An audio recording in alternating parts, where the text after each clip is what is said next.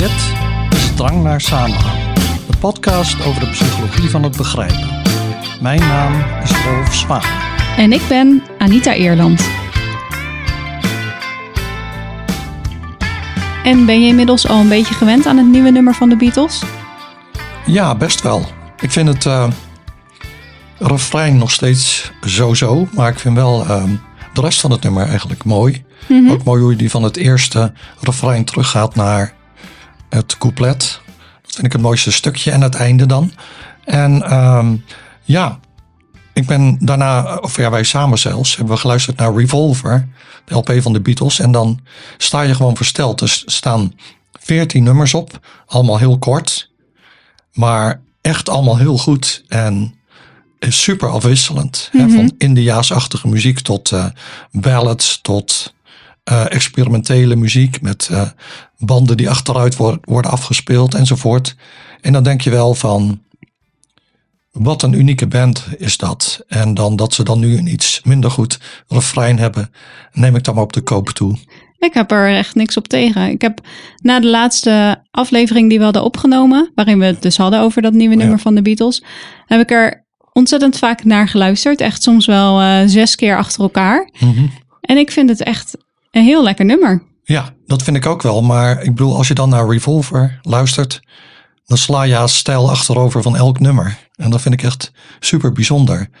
En uh, maar nummers van wel. Eleanor Rigby tot uh, Tomorrow Never Knows of uh, um, Taxman. Ja, dat zijn dan ook nog drie verschillende mensen die die nummers hebben geschreven. En nu dwaal ik een beetje af, uh, geef ik toe. Um, maar goed, de Beatles stonden, stonden dus op nummer 1 weer. Na weet ik hoeveel jaar, 54 jaar of zo.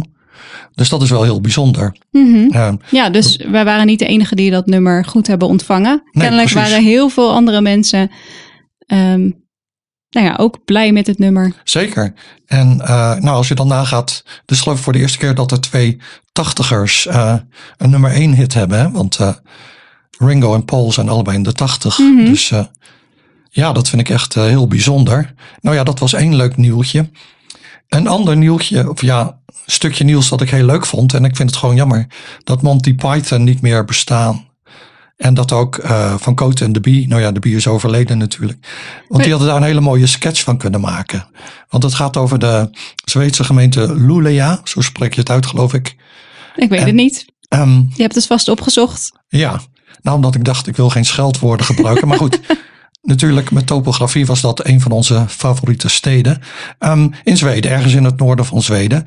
En die gemeente wil dat inwoners elkaar gedag gaan zeggen. Want dat doen ze blijkbaar nooit.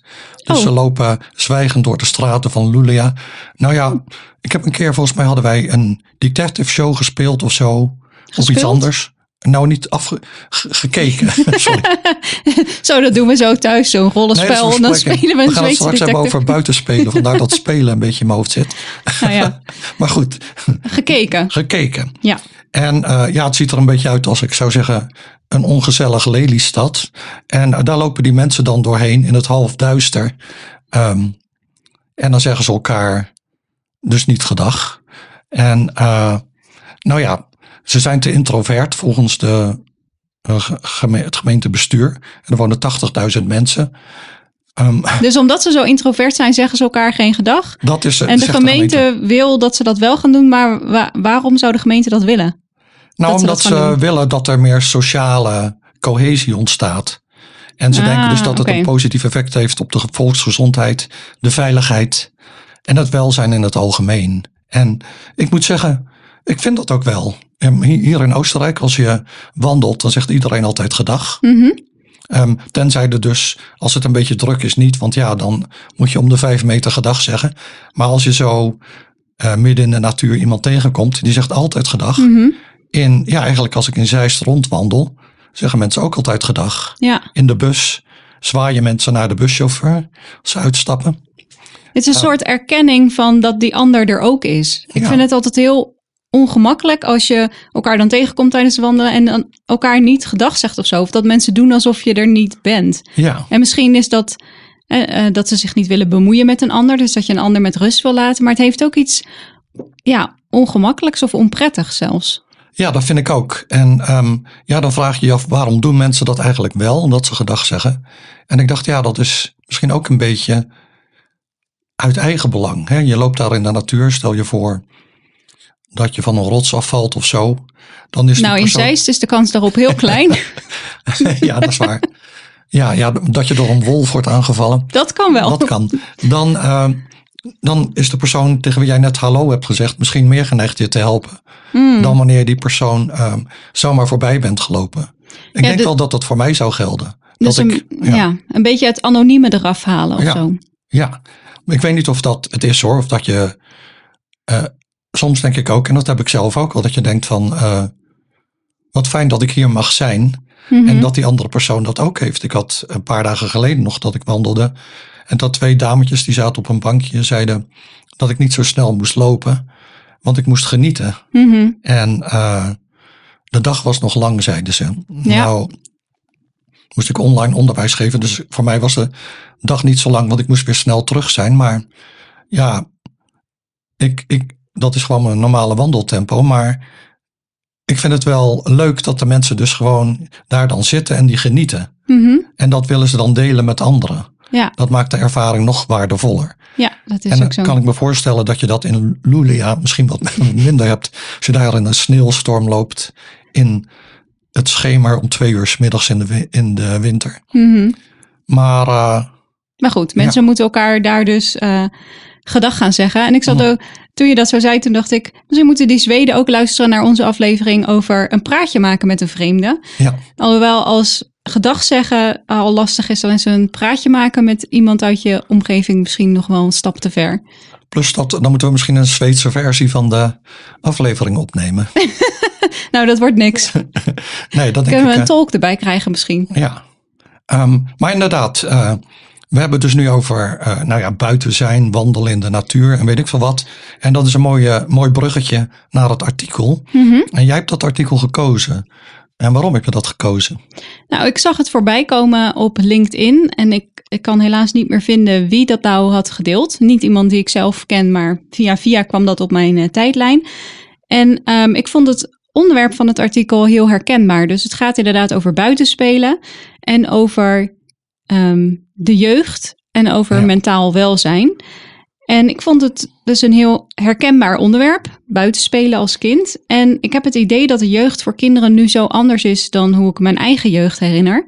Mhm. Dus ik vond het wel leuk om dat artikel eh, dan te gaan bespreken. Ja, het lijkt me ook heel leuk. Ehm, het ligt iets buiten mijn expertisegebied. Ik heb collega's in Rotterdam die veel meer van dit onderwerp weten dan ik Mhm. en er ook onderzoek naar doen. Maar ja, aan de andere kant heb ik wel veel buiten gespeeld. Dus wat dat betreft ben je wel een expert. Ik ben chef buitenspelen in deze aflevering, of buitenspeel-expert. Ja, speelde je het liefst buiten vroeger? Ja, nou, ik, ik las ook wel. En we hadden met mijn vrienden een stripotheek. Dus dat we ook eh, al onze stripboeken bij elkaar, bij elkaar deden. Nee, onze stripboeken. Ja. En dan, eh, dan speelden we bibliotheekje. Dus dan kwamen onze zusters en buren en weet ik veel wat, kwamen dan stripboeken bij ons lenen. Mhm. En die kregen dan een boete van drie cent als ze een week te laat waren of zoiets. Ehm, ben je niet rijk van geworden, denk ik. Nee, nee, nee, zeker niet. Ehm, maar ja, ik heb dus als kind eh, voornamelijk heel veel buiten gespeeld en begon al in Rotterdam. Ehm, we hadden een boot en die lag aan de Kralingse Plas, aan, Mhm. bij de zeilvereniging Aeolus. En ik had daar een vriendje. En die was ietsje ouder dan ik en die had een roeibootje. Mhm. En we hadden toen een wedden. En ik, oh ja, ik zat net op atletiek. Dat heb ik geloof ik wel eens verteld dat mijn moeder mij heel vroeg op atletiek deed. PAC in Rotterdam. En ik had nieuwe hardloopschoentjes of gymschoenen, weet ik veel.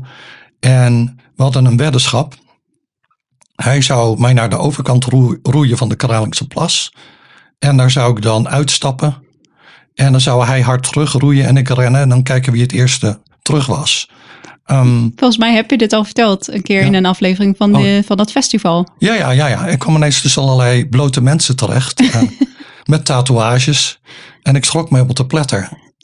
Ehm, dus ik rende als een bezetene terug naar, eh naar Aeolus. Eh, nou, dat was toch al een paar kilometer. Hè, want de Dat is de helft Plas, van de Kralingse Plas. Ja, dus, Ja, als je rondloopt is het vijf kilometer ja. ongeveer. Ja. Dus, en ik was zeven. Dus toen wa- waren wij al zonder zwemvesten gewoon. Want we konden ook Hup, allebei goed boot. zwemmen. Hup in die boot, klein roeibootje. Hup naar de overkant. En dan, ja, dat deed ik dus allemaal gewoon ja, als zevenjarige. Waren je ouders dan in de boot? Of? Ja, ja, oké. zeilvereniging. Die, Ja. En ehm, ja, ik, daarna, kort daarna verhuisden we naar Soest. En daar had je natuurlijk heel veel natuur ook. En daar heb ik ook heel veel buiten gespeeld. Ehm, ja, in die tijd had je nog strenge winters. Dus we gingen dan bijvoorbeeld ijsje piepen. Dus dan ging je met je kaplaars aan naar de sloot. En dan sprong je daar op het ijs om te kijken of het hield. Dat hield dan soms niet. En dan kwam je terug met so- soppende kaplaarzen. Ehm, dat het water was helemaal warm geworden van je voeten. Mhm. En Nou, eh, bah. ik heb heel veel geklommen, bomen, bomen beklommen, hutten gebouwd. eh, ehm, ook, ja, soms natuurlijk dingen gedaan die dan misschien niet helemaal door de beugel kunnen. Ehm, maar ik herinner me ook dat we in Soest ehm, met vijf jongens uit mijn klas, het waren niet mijn eh, normale vrienden, maar wel mensen die ik vrij goed kende, ehm, gingen we naar de Vlasakkers. Dat was een militair oefenterrein. En daar gingen we schedels zoeken, schedels van dieren. Want eh, we hadden een, eh, op, eh, op onze school kennis aan een boswachter, Hans de Boswachter. En met hem gingen we dan altijd het bos in om uilenballen te zoeken. Hè? Dus van die braakballen waar dan botjes in zaten. En dus daar waren we allemaal heel erg in geïnteresseerd geraakt. En dan, eh, nou, we gingen dus helemaal naar de vlasakkers om schedels te vinden, te zoeken. En ik had een konijnenschedel gevonden. En een andere jongen wilde die hebben, maar ik wilde hem niet geven. En toen is hij met een andere jongen weggegaan. En toen ik met de andere twee jongens terugkwam bij onze fietsen, waren van twee van ons de banden lek gestoken. Hmm. Die andere twee fietsen waren weg. En de derde jongen die zich niet met de, nou, het meningsverschil had bemoeid. eh, Zijn fiets stond er nog en eh, de banden waren nog geheel. En hij wilde dan wel bij ons blijven, maar hij is uiteindelijk, eh zeiden wij nee, of fiets jij maar gewoon naar huis. Ja. En, ehm, maar die andere jongen en ik zijn toen gewoon acht kilometer teruggelopen. En ik, ik moest er vanochtend aan denken. Toen dacht ik van, maar waarom hebben we dan niet tegen hem gezegd van, kun je onze ouders even waarschuwen? Ja. Maar dat deden we niet. We hebben daar gewoon twee uur lang met onze fietsjes zo ehm, half door het bos eh, naar huis gelopen. ja, maar dat je dat dus niet hebt gevraagd, geeft al aan dat dat niet iets was wat je dan op dat moment deed. Ja, dus je was buiten aan het spelen. Je ouders wisten dat jij buiten was en waarschijnlijk ook met wie je was en eh, waar je ongeveer naartoe ging. Ja, En je weet gewoon wanneer je weer thuis moet komen, zoiets. ja. Dus dan hoef je dat ook niet te laten weten als je later Nee. bent of zo. Tegenwoordig is dat natuurlijk veel meer het geval. Dan, dan zou je je mobiel pakken en even bellen. Ja, mijn band is lekker. Zo. Ja. Waarschijnlijk zeg je dan niet, ik kom naar huis lopen, maar kun je me even komen halen? Ehm, dan hadden zij gezegd, eh, nee, je loopt maar. dan moet je maar niet zo stom zijn om je band lek te laten prikken of zoiets, denk ik. Maar dus veel leuke herinneringen aan buitenspelen. Heel veel. En ik heb daar ook, eh, nou ja, ook binnen spelen. Maar gewoon dat je dus achter ons huis een veldje had. En daar speelde ik met kinderen. En nou, drie van de jongens, dat zijn nog steeds mijn vrienden. Ik bedoel, een ervan belde vanochtend. Die heeft vanochtend nog een eh, 40 minuten met mijn moeder gebeld. Eh, dus het was niet alleen dat je elkaar kende. Maar je kende ook elkaars ouders. Je kende elkaars broers en zusters. En nu elkaars kinderen, zeg maar. Ja, Dus die banden, die heb je dan eigenlijk opgebouwd over een heel leven. ja. Maar goed, dus dat zijn maar een paar buitenspeelervaringen. Eh, ik heb er echt heel veel, maar jij hebt ook veel buiten gespeeld, toch? Ik heb ja, voor mijn gevoel ontzettend veel buiten gespeeld vroeger. Ehm, we hadden een paar pleintjes op het woonerf waar we woonden. En er waren ontzettend veel andere kinderen ook altijd om mee buiten te spelen. Mhm. Dus ja, ik heb heel veel buiten gespeeld. Allemaal spelletjes eh, gedaan en zelf bedacht. eh, hutten gebouwd. Ehm, ja, gewoon een beetje met de dingen in de omgeving bedenken wat je dan kan doen. Ja, Ik moet zeggen, als ik jou hoor over uilenballen en schedels zoeken, dat soort dingen heb ik niet gedaan. Maar ik heb wel heel veel buiten gespeeld, ja. nou ik moet wel zeggen, als wij, als mijn kinderen ze, eh, zouden zeggen van... Ja, we gaan naar het bos met Hans de Boswachter om uilenballen te zoeken. dat ik dan toch wel enigszins argwanend zou zijn geworden. Mhm. Maar eh, in ons geval is er nooit iets gebeurd. Eh, Maar, Maar- dat is wel grappig, want precies over die verandering, dus Ja. je eigen jeugd en eh, hoe ouders tegenwoordig met hun kinderen omgaan, of hoe kinderen tegenwoordig opgroeien, daarover gaat dat artikel. ja, Want het idee van die auteurs is dat al tientallen, tientallen jaren er een toename te zien is van mentale problemen. mhm. in het algemeen, maar ook bij jongeren. Ehm, en een afname van de mogelijkheid van kinderen en jongeren om te spelen en om een beetje rond te hangen en uh, andere activiteiten te doen buiten het toezicht en de controle van de ouders. Ja. Dus wat jij net vertelde, van acht kilometer verderop ging ik met, uh, Ja. met vriendjes buiten spelen, zonder dat je ouders in de buurt waren. Mhm. Die mogelijkheid uh, is zeg maar steeds minder geworden voor uh, kinderen in de afgelopen, nou ja, decennia. En het is ook wel zo, we zaten nog op de lagere school, hè? want dit waren jongens die ik kende van de lagere school. Dus uh, nou ja, ik ging naar de middelbare school toen ik elf was, dus ik was misschien Dus tien of zo. Ja. Ja. En um, nou, waarom is dat nou zo belangrijk? Dus zij noemen die twee dingen: hè? Uh, meer mentale problemen, minder um, activiteiten zonder toezicht van ouders. Zij zeggen uh, die, die onafhankelijke activiteiten, die zijn heel belangrijk voor mentaal welzijn. Mm -hmm. En die leiden tot um, meer voldoening en tevredenheid in het leven. Um, en ook op lange termijn zou um, van die onafhankelijke activiteiten een bescherming kunnen, kunnen bieden tegen gevoelens van angst en depressie. Mm -hmm. Dus in het artikel dat we gaan bespreken gaan ze uh, halen ze studies aan of bewijs uit studies voor de link tussen een afname in uh, onafhankelijke activiteiten van kinderen en een Mhm. toename in um, ja, mentale problemen. En zij zeggen, je ziet eigenlijk in de jaren 60 en dan een versnelling in de jaren 80, een, een verschuiving van hoe uh, ouders een kind zien. En uh, nou ja, voor die verandering was het zo dat een kind werd gezien als een uh, competent en verantwoordelijk en weerbaar wezen. Uh, en er is langzaamaan een verandering gekomen naar uh, het kind als een wezen dat uh, begeleid en beschermd moet worden. Mm -hmm. En dat leidde dus tot minder autonomie. Ja. En nu kun je zeggen, ja, um, er is op bepaalde vlakken meer vrijheid voor kinderen nu. Als ik kijk naar in hoeverre kinderen zelf mogen bepalen wat ze aantrekken, bijvoorbeeld. Mm -hmm. uh, en ook wat ze eten, dan, dan zie je daarin meer vrijheid. Maar er is dus veel minder vrijheid om voor kinderen om zich bezig te houden met um, nou ja, activiteiten waar bijvoorbeeld een zeker risico aan zit. Ja. En, en die vragen om uh, persoonlijke verantwoordelijkheid. Ja, dat, uh, dat zie ik eigenlijk wel. Want ja, toen wij dus die lekke banden hadden, was dat ons probleem. En we Mm -hmm. maakten het niet het probleem van onze ouders. We losten het zelf op door gewoon, uh, weet ik veel, anderhalf uur rond te wandelen met onze, twee uur misschien wel, fietsjes met lekke banden. Ja, precies. En je ziet dus dat er uh, minder um, gespeeld wordt los van de ouders. En ook dat kinderen minder bijdragen aan het gezin en aan de gemeenschap. Mm -hmm. Dus in dat artikel noemen de auteurs dat het vroeger gebruikelijker was dat kinderen bepaalde taken in het huishouden ook hadden. Um, ja. En uh, dat het ook gebruikelijker was dat ze op een jongere leeftijd bijvoorbeeld een bijbaantje hadden. Of dat ze gingen oppassen bij de buren bijvoorbeeld. Of uh, de hond uitlaten van iemand anders in de straat. Ja. Of uh, een krantwijk hadden. Nou, dat kan natuurlijk niet als je vijf bent. Maar dat, dat, ze zeggen dat daarin ook een verandering te zien is. En ouders zeggen zelf ook dat zij als kind. Dus dit blijkt uit, uit onderzoek. Ja. Hè, dat zij als kind zelf meer vrij buiten speelden dan hun eigen kinderen nu doen. Ja. En er is allemaal uh, vragenlijstonderzoek gedaan, onder andere in Engeland. En daaruit bleek dat in 1971 uh, 86% van de kinderen alleen naar school mocht lopen. Dat mm -hmm. wordt dan ook gezien als zo'n ja. um, onafhankelijke activiteit. Um, Oké, okay, dus in 1971 86 procent. Uh, in 1990 was dat 35 procent. En in 2010 ja. nog maar 25 procent van de kinderen uh, dat alleen uh, naar school mocht lopen. En, en hebben we het dan over lagere school? Of, uh... Ja, dit gaat wel over lagere school. Ja. Ja. Ja, ik, ja, wij woonden niet zo heel ver van de school. Het was denk ik 400 meter of zo. Dus wij mochten wel alleen naar school lopen. En hoefde je ook geen weg over te steken of wel? Mm, ja, niet zo drukke weg. Dat nee. was goed te doen. En alle kinderen die bij mij in de buurt woonden, ze zaten daar ook op school. Dus en die kwamen ook allemaal zelf?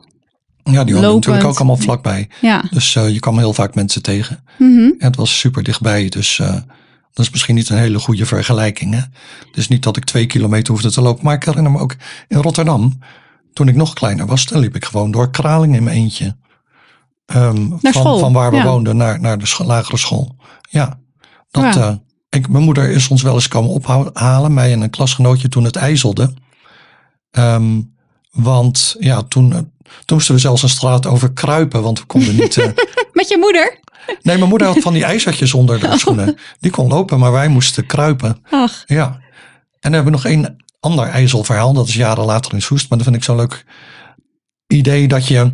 Het had zoveel geijzeld dat er gewoon... Je kon schaatsen op straat. Er lag een hele dikke laag ijzel. En dus in Soest heb je een heuvel, de Eng. En daar lag dus ook ijs op. Dus ik was daar met een vriendje gaan schaatsen. En toen zagen we een fietstunnel. Toen dachten we, oh wat leuk om daar doorheen te schaatsen. En net op hetzelfde moment remden we allebei af. Omdat we bedachten, er ligt natuurlijk geen ijzel onder de tunnel. dus dat had anders lelijk kunnen aflopen. Ja. En, eh, maar dat heb je wel, denk ik, als ouder. Als je dus je kind dat soort dingen laat doen. Ja, ze kunnen wel gevaarlijke dingen doen. En ik Mhm. weet wel dat ik blij was dat mijn, mijn kinderen niet de dingen deden die ik deed. Ja, maar dat is ook precies wat er in dat artikel Ja. wordt gezegd. Hè? Dat Ja. die angst voor risicovol gedrag Ja. eh, maakt dat, nou ja, niet alleen een risicovol gedrag, maar ook eh, angst voor omgeving en zo, eh, maakt dat ouders minder risico nemen met hun kind zonder toezicht buiten te laten spelen. Ja, ja. Ja dat, dat, dat is wel zo, denk ik. En eh, dan is het wel grappig dat er weer eens een lijstje is gemaakt waar Finland bovenaan staat. En in dit geval is dat het lijstje van eh, landen waar kinderen de meeste vrijheid eh, hebben hè, om buiten te spelen zonder dat de ouders erbij zijn. Mhm. Oh ja, dus in Finland is dat. ehm, Is het weer beter? Ja, Het wordt wel vroeg donker in de winter, maar het is wel beter. Ehm, nou ja, dus eh, hoe komt het dan dat, dat wij in, bijvoorbeeld in, in Nederland, maar ook in de Verenigde Staten, zien dat kinderen minder vaak buiten gaan spelen? Nou, dat komt eh, doordat ouders dan banger zijn voor het verkeer en de criminaliteit. Mhm. Maar er zijn misschien Ja. ook nog andere factoren. Hè, er is bijvoorbeeld ook minder tijd om eh, buiten te zijn. Hè? Dat staat in dat artikel. Mhm. Kinder, kinderen zitten langer op school en hebben ook meer huiswerk. ja.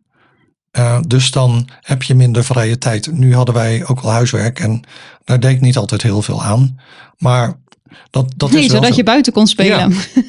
maar ja, de Ja. druk om goed te presteren Ja. op school en om je Mhm. huiswerk te maken en zo is denk ik ook toegenomen. Ja, En wat er in dat artikel stond was dat er nu zelfs eh, niet alleen op de kleuterschool, maar ook daarvoor is het nu gebruikelijk dat kinderen eh, huiswerk meekrijgen.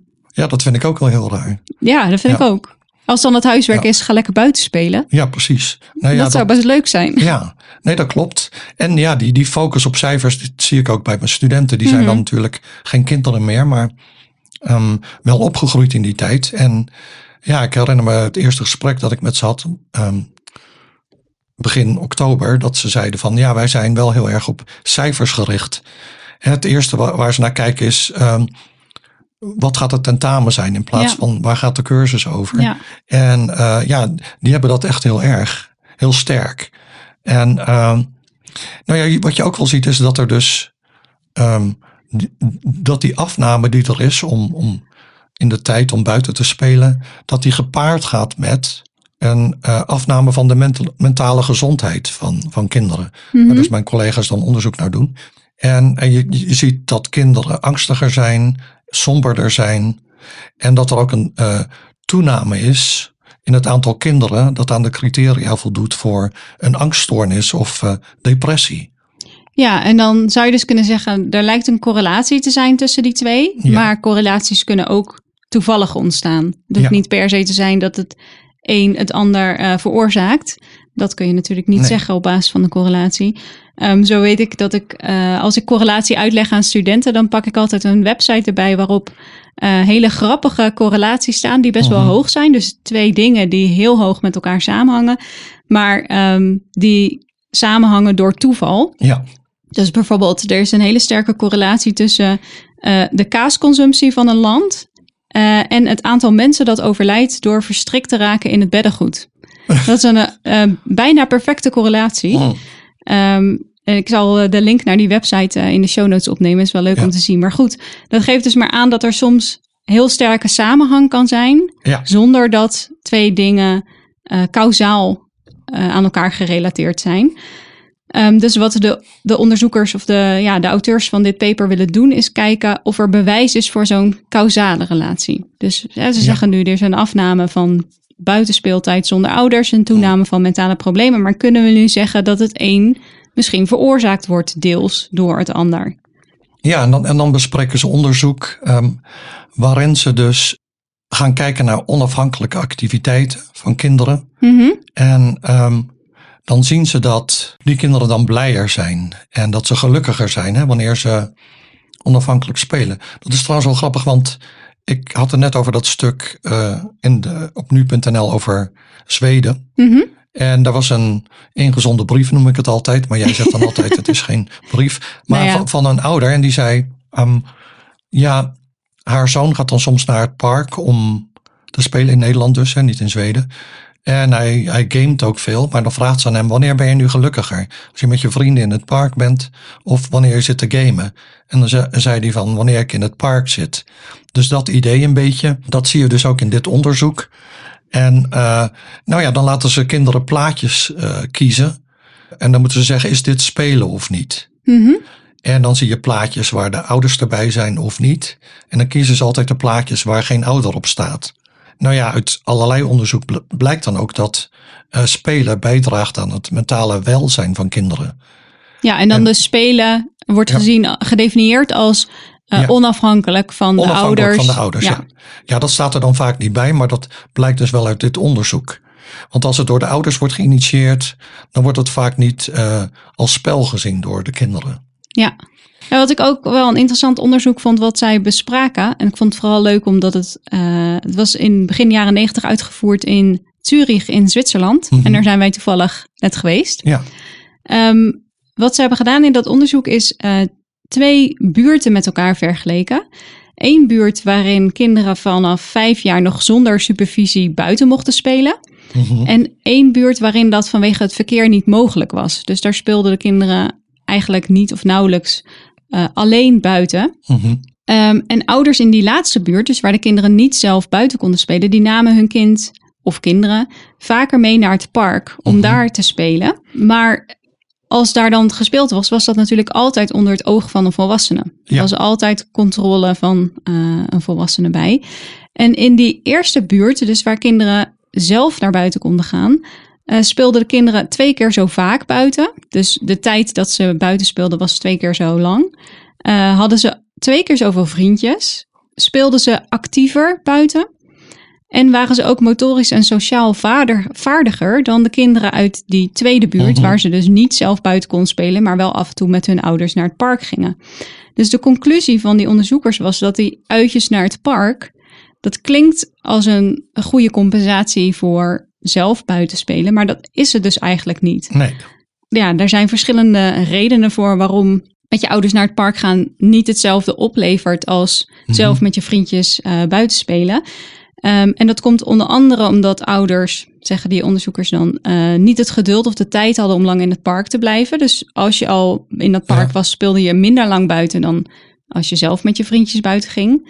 Ja, ik had ook niet echt vaak de tijd in de gaten. Je ging gewoon, zodra je klaar was met eten, ging je naar buiten. Ja. Totdat je naar binnen werd geroepen of de lantaarnpaal aanging. Dan moest Mhm. ik altijd eh, naar binnen, s'avonds.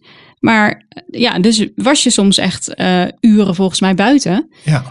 Een andere reden waarom naar het park gaan niet compenseert voor zelf buiten spelen... is omdat alleen al de aanwezigheid van ouders en ouderlijk toezicht... zorgde ervoor dat eh, uitdagend of risicovol spel niet kon plaatsvinden. Of ja, veel ja. minder. Ja, die zei dan niet die boom in, niet zo hoog of weet ik veel wat. Ja, Dus eh, ja, dat, dat is zo. En dan word je misschien als kind dan ook wel weer angstiger van als je ouders roepen van ehm, niet zo hoog of kijk uit. Of, Ja en, dan, ja, en dan ga je niet zo ver als je zou kunnen, zeg maar. ja, Toen ik jong was, ja, de meeste kinderen die, die, die, klommen er eh, overal in. En ik misschien nog iets meer, omdat ik eh gebiologeerd was eh, door bomen. Ik zocht altijd naar klimbomen en weet ik veel wat. Ehm, maar klom ook in, op gebouwen waar ik niet mocht komen en zo, dat soort dingen. En daar heb ik wel later profijt van gehad, dat ik behoorlijk behendig was. Dus nu wel weg, moet ik zeggen. ik zit te denken dat je nu- nog steeds op daken klimt of zo als hulppiet. Nee, maar zelfs als er een, eh, zo'n hek is, weet je wel, ehm, waar we, nou die wandelingen in Oostenrijk, maar je hebt ze ja, ook ja, ja. in Nederland, dat je daar over zo'n ding moet stappen. Dat ziet er nu heel wat minder soepel uit, moet ik zeggen. Ehm, en soms kruip ik zelfs onder het prikkeldraad door. En dat, eh, Nou, dat is vaak ook makkelijker. ja goed, maar dat vroeger was dat te min voor mij. Dan zou ik toch wel over dat prikkeldraad zijn heen gesprongen. Maar nu ben ik een soort aanmächtige rups die, die er zo onderdoor kruipt. Maar het Dus- is in ieder geval niet zo als je dat ziet dat je denkt, oh, hier kan ik dus niet verder. Nee, nee. En dat, dat is wel leuk. Hè? Want, want vaak als wij wandelen komen we ergens dat we denken van, oh jee, hè, want we gaan dan van de gebaden paden af. Maar ja, dan heb je wel altijd het vertrouwen dat je er weer uitkomt. Ja, Ja, en dat eh, zelfs met mijn mindere grote behendigheid dan toen ik eh, twaalf was of zo. mhm. Ehm, ja, dan heb je wel dat vertrouwen. En ik denk, ik bedoel, dit is puur anekdotisch, maar ik denk echt dat dus in omstandigheden komen waar je dan zelf een oplossing voor moet bedenken. En Ja. een oplossing die fysiek is. Hè? Dus je moet ehm, ergens aan hangen of weet ik veel wat. Ehm, als, je dat, als je daar dan uitkomt, dan is dat natuurlijk eh, goed voor je zelfvertrouwen. Ja. Dus wat minder als het natuurlijk niet goed gaat. En ik ken ook al verhalen van dingen die niet go- goed zijn gegaan bij kinderen die buiten speelden. Maar ja, Maar, daar kun ja. je wel ook van leren. En ik denk dat het niet alleen om de fysieke vaardigheid gaat, maar ook om bijvoorbeeld hulp vragen of iets samen doen met andere mensen, dus dat, of andere kinderen dan. Dat je ehm, daardoor ook bepaalde sociale vaardigheden leert. Ja, En dat is ook een van die redenen waarom naar het park gaan met je ouders niet compenseert voor zelf buiten spelen met de leeftijdsgenootjes. Omdat als je met je ouders naar het park gaat, zijn er meestal geen andere kinderen in de buurt. Nee. En als er andere kinderen in het park zijn, zijn die meestal ook met hun ouders. En dan zie je toch dat kinderen dan minder snel met elkaar gaan spelen. Dus die ervaring mis je dan ook als je met Ja. je ouders naar het park gaat. En verder eh, zeiden zij dat er ook in het park minder mogelijkheden voor spel waren dan wanneer Ja. je in de buurt eh, aan het spelen bent. Ehm, en dat deed me denken aan als je een- aan mijn eigen buitenspelen als kind. Als je dan in de buurt speelt, eh, dan ben je met andere kinderen aan het overleggen van, goh, wat zullen we gaan doen? En dan Mhm. ineens denk je, oh ja, laten we een hut gaan maken bijvoorbeeld. Nou, dan ging iedereen naar huis en dan Ja. eh, vraag je aan je moeder of er nog oude gordijnen of eh, kleden zijn of zo die je kan gebruiken, want we gaan een Ja. hut maken. Nou, dan komt iedereen terug en dan, dan ga je dat doen. Als je weer wat anders nodig hebt. Oh, we hebben nog extra knijpers nodig. Want wij hingen dan altijd die, die eh, oude gordijnen op aan de parasol bijvoorbeeld. Oh en ja, dan een soort... ja, eh, ja. hebben we nog eh, extra knijpers of zo? Dus je kan wat je nodig hebt op dat moment makkelijker halen. ja. En dat is ook trouwens, om het even op de, het vlak van de cognitieve psychologie te trekken. ehm, dat is release from functional fixedness. Dus bepaalde voorwerpen hebben een bepaalde functie. Mhm. Een tang is om eh, dingen mee vast te grijpen. Maar creatief denken betekent dat je een voorwerp ook op een andere manier kunt gaan gebruiken. Dus bijvoorbeeld een, een tang als een, eh, nou, nou ja, hoe zeg dat? Een presse-papier. Dat is dan Oh ja. natuurlijk nog niet zo origineel. Maar dat is wat jij dan de hele tijd ook als kind deed. Dat je eh, dingen thuis haalt en die ga je dan voor iets anders gebruiken. Ja. Dus dat stimuleert ook wel ehm, creatief denken. Mhm. Ja, hutten maken, dat, dat deden wij ook, inderdaad. Ehm, daar heb ik ook al een anekdote over. Dat we een hut aan het maken waren. En eh, ik had van mijn vader een pot rode verf gekregen. Dus ehm, ik had een bord ge- geschilderd. Er stond op de Rode Viking. De hut heette de Rode Viking. Dus een vader van een, een van mijn vrienden kwam aan met zijn nieuwe suède jas. En die kwam in de hut kijken. En zei, hm, waarom heet dat ding de Rode Viking? En, maar ik had in de hut een balk rood geschilderd, een plafondbalk. en toen hij uit de hut wegliep, had hij zo'n rode streep op zijn nieuwe suède jas. Ik dacht, ik zeg niks. Oh, Maar daarom heette die hut dus de Rode Viking. maar goed, dat soort gebeurtenissen hadden we de hele tijd. En dus ook ehm, ja, met ouders van vriendjes. En dat je dus dingen kreeg, zoals jij zei. Of kreeg. nee, pakte. daarom ging vragen. Of Ja. dat je zei, we hebben iets nodig voor dit of dat. Ja, soms En dan- pakte ik het gewoon. Ja, Maar goed, we hebben het nu de hele tijd gehad over buiten spelen. ja. Maar die onafhankelijke activiteiten gaan natuurlijk verder dan alleen maar spelen. Ja, ja, zeker. Want waar we het al eerder over hadden, was bijvoorbeeld alleen naar school gaan. Ja, Of alleen het openbaar vervoer gebruiken. Ehm, of een bijbaantje hebben, zei jij. Ehm, en uit Australisch onderzoek blijkt dat die dingen kinderen gelukkiger maken. Want ze ontwikkelen hun sociale vaardigheden. Ze halen ook plezier uit het werk. En ze hebben ook het gevoel dat ze iets bijdragen. Mhm. En dan gaat het dus niet alleen om het verdienen van geld, maar ze hebben het gevoel van ik help iemand of ik maak deel uit van een groter geheel. ja van, de, van de gemeenschap of zo. Ja. Ja. dat vond ik dus ook wel mooi om te lezen. Want als je zo jong bent en je hebt een bijbaantje, verdien Ja. je natuurlijk ook niet nee, veel. nee. Ehm, dus ik vond het mooi om te zien dat de beloning van het hebben van een bijbaantje veel meer is dan alleen maar financiële compensatie. Maar Ja. dat je dat ook doet omdat je plezier uit je werk kan halen. Ja. Omdat je daar bepaalde vaardigheden mee kan verwerven. En, en dat je het idee hebt dat je meedoet. Ja, nou wij hadden, het was dan niet een baan, maar als eh, op de lagere school gingen we dan oud papier ophalen. Ja, En nou ja, oude zoiets. kranten en zo. En dat bracht je dan naar de papierverwerking. En dan kreeg je vijf cent per kilo of weet ik veel wat. Het ging niet om het geld, maar je was dan wel bezig. En je had een, een doel. En het gevoel dat je enigszins eh, nuttig was.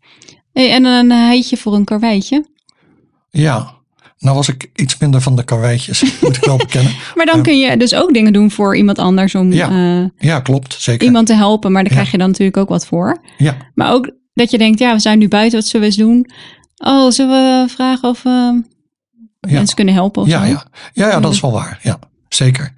En ehm, nou ja, dan heb je dus uit dat Australische onderzoek in ieder geval is gebleken dat er dus korte termijn effecten zijn van ehm buitenspelen, bijbaantjes hebben, dat soort dingen. Mhm. Maar er zijn ook eh, lange termijn effecten. Want die, dat buitenspelen en zo biedt een soort bescherming tegen problemen die je kunt hebben met de mentale gezondheid op de lange termijn. En dat zou je kunnen verklaren door te zeggen van eh, kinderen die zonder veel toezicht konden opereren, die ontdekken een sterkere locus of control. Dat is iets uit de sociale psychologie volgens mij. Een concept, eh, eh, het idee van eh, mensen met een sterke in- interne locus of control hebben het gevoel dat ze controle hebben over hun leven. Ja. Ze doen dingen omdat zij ze willen en ze kunnen de problemen wel aanpakken. En mensen met een externe locus of control, Mhm. die hebben juist het gevoel dat ze een speelbal zijn van de omstandigheden. Ja, precies. En er gebeuren dingen, oh, dit viel weer tegen, dat viel weer tegen. En zo'n externe locus of control is een voorspeller voor eh, angst en depressie op latere leeftijd. Ja, nu is het natuurlijk niet zo dat als je een externe locus of control hebt, dat je dan sowieso een angststoornis of een depressie ontwikkelt. Nee. Maar zo'n externe locus of control is wel een risicofactor. Ja, en eh, ja, dat moeten we dus even in het achterhoofd houden. Maar dan kun je dus wel zeggen dat als kind, als je veel buiten speelt en zo, dan ontwikkel je een sterkere interne locus of control. Je denkt van, ehm, ik heb invloed op wat er gebeurt. Ik kan onafhankelijk bepaalde activiteiten uitvoeren zonder toezicht van mijn ouders. Nou, dat kan je dus helpen in je latere leven. Ja, en dan is de vraag, hoe past dit idee, dus dat ehm, zonder toezicht buiten spelen en andere activiteiten ontplooien, leidt tot eh, minder problemen of een soort van bescherming biedt voor Mhm. eh, me- mentale problemen. Hoe past dat idee binnen bepaalde perspectieven binnen de psychologie? Ja, Dat vond ik wel interessant dat ze gingen kijken of er theorieën zijn waar dit idee bij past. En een belangrijke theorie waar dit heel, heel goed eh, binnen past is de self-determination theory. We, ja, je hebt een gelukkiger leven als je beslissingen kunt maken op basis van wat je zelf graag wil. In plaats van dat jouw beslissingen worden gestuurd door bijvoorbeeld straf en beloning van buitenaf of eisen van andere mensen. Ehm, en je kan natuurlijk niet altijd alleen maar doen waar je zelf zin in hebt. Dan eh, wordt het ook Mhm. een beetje een eh, zootje. Maar een gezond gevoel van self-determination en dus van mentale gezondheid bereik je als je eh, de vrijheid hebt om je eigen weg te kiezen. Mhm. Dus als je autonomie ervaart. Eh, als je je voldoende vaardig voelt om dat te doen, dus om je eigen weg te kiezen. Mhm. Dus dan gaat het over competentie. En als je vrienden en collega's hebt voor de nodige steun. En dat noemen ze dan eh, relatedness. Nou, als ouders nu autonomie ondersteunen, dus hun kinderen buiten laten spelen zonder Mhm. dat zij zich ermee bemoeien of de activiteiten controleren of initiëren, dan kunnen ehm, onafhankelijke activiteiten zoals spel ervoor zorgen dat een kind de vaardigheden ontwikkelt Ja. om later eh, ook het eigen pad eh, te kiezen en daar vertrouwen in te hebben. En eh, ook om sociale steun te verwerven. Dus door Ja. sociale vaardigheden en mensen Mhm. om je heen te verzamelen. En dan heb je dus eigenlijk voldaan aan die drie voorwaarden: autonomie, competentie en relatedness. Om een gezond niveau van eh self-determination ehm, ja, te Ja. krijgen.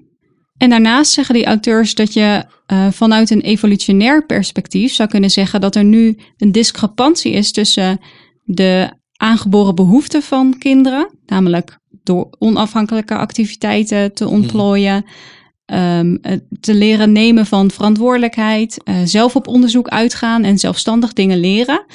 Um, dat er discrepantie is tussen die behoeften en wat de omgeving ze nu biedt. En vanuit evolutionair perspectief zou je dan kunnen zeggen dat door die discrepantie mentale problemen kunnen ontstaan. Dus ook vanuit dat evolutionaire perspectief uh, zou je kunnen zeggen: het is wel aannemelijk dat um, um, afname in, uh, in, onafhankelijke activiteiten zorgt voor mentale problemen. Oké, dus in dit artikel worden veel studies besproken en die laten allemaal zien dat er een samenhang bestaat tussen de afname aan de ene kant in uh, individuele activiteiten van kinderen mm -hmm. zonder ouderlijk toezicht en aan de andere kant een afname van de mentale gezondheid van kinderen. Ja. Nou is veel van dat onderzoek correlationeel en we zeiden al eerder, correlatie is nog niet causatie. Mm -hmm. Maar de onderzoekers van dit, hè, dus de auteurs van dit artikel, die zeggen de kracht zit hem in de hoeveelheid bewijs die er is voor hun stelling. En die komt van heel veel verschillende soorten studies. Ja. Dus de diversiteit en de hoeveelheid van bewijs is een sterk punt. En daarnaast zijn dan de bevindingen in overeenstemming met bepaalde psychologische theorieën, zoals uh, de zelfbeschikkingstheorie, mm -hmm. self-determination theory en ook antropologisch onderzoek. Ja. En ja, natuurlijk, dat is eigenlijk altijd zo in de psychologie. Er is niet één factor verantwoordelijk voor een uh, daling of een stijging mm -hmm. in geestelijke gezondheid. En dat zeggen de auteurs ook. Maar ze zeggen het is wel mogelijk een hele belangrijke. Maar ook belangrijk is bijvoorbeeld dat er veel druk is om goed te presteren op school. En dat er daarom ook meer tijd op school wordt doorgebracht. Dat geldt trouwens misschien meer voor de Verenigde Staten dan, dan Nederland, maar dat weet ik niet zeker. Nee, ik ja. heb het idee dat kinderen nu niet veel langer op school zitten dan ik zelf vroeger. Er is natuurlijk wel meer voorschoolse opvang en naschoolse opvang. Ja. Maar de uren op school zelf. Ik ja, zou het niet weten, niet. eerlijk gezegd. Ik zou het niet weten. Um, maar er is natuurlijk wel meer, meer, digitalisering en sociale media. Veel mensen zeggen het komt door de sociale media dat, uh, hè, dat het mentale welzijn in kinderen is afgenomen. Mm -hmm. Maar daar is onderzoek naar gedaan door iemand die heet Amy Orban en die hebben we al vaker genoemd in andere aflevering. Dat is blijkbaar een van de favoriete onderzoekers van deze podcast. Zonder dat ze het zelf weet. Zonder dat ze het zelf weet. En uit haar onderzoek blijkt dan dat er niet altijd een link is tussen schermtijd en mentale gezondheid. En misschien is het zelfs wel zo dat het in sommige gevallen omgekeerd werkt. Ja, ik vond dat wel interessant om te lezen. En ik denk dat misschien de schermtijd op zich niet per se zo. Hè, dus als je meer achter je scherm zit, mm -hmm. dat je dus um, minder mentaal gezond bent. Het gaat misschien ook om wat je dan doet op dat scherm. Ja. En als je de hele tijd uh, op Instagram zit en je ziet foto's van uh, de perfecte levens van andere mensen, ja. kan ik me voorstellen dat als je dat een paar uur per dag doet, in tegenstelling ja. tot niet of minder, uh, dat je mentale gezondheid daar wel degelijk ja. invloed van ondervindt. Ja, dat kan ik me voorstellen. Ja, ja dus misschien niet op zich de schermtijd. Um, maar ik denk dat social media uh, en ook de druk op school, inderdaad, om ja. te presteren, dat dat allebei ook wel belangrijke factoren zijn om, om mee te nemen in het proberen te verklaren van die afname van mentale gezondheid. Oké, okay, maar wat concluderen we nou uiteindelijk op basis van dit uh, artikel? Wat zeggen de auteurs? Ja, die zeggen eigenlijk dat ouders heel vaak horen over de gevaren van activiteiten zonder toezicht. Mm -hmm. Maar dat ze nauwelijks horen over de gevolgen van een gebrek aan activiteiten zonder toezicht. En Ja. dat die activiteiten zonder toezicht heel belangrijk zijn voor kinderen om een gevoel van vertrouwen, verantwoordelijkheid en ehm, ja, vermogen om Mhm. bijvoorbeeld om te gaan met problemen en zo, om dat te ontwikkelen. Ehm, en dat, ja, dat er dus misschien meer aandacht voor moet zijn. Eh, dat het belangrijk is dat kinderen ook zonder toezicht kunnen Ja. spelen en hun eigen activiteiten kunnen ontplooien. Zodat ze een gevoel krijgen dat ze zich kunnen redden in de wereld.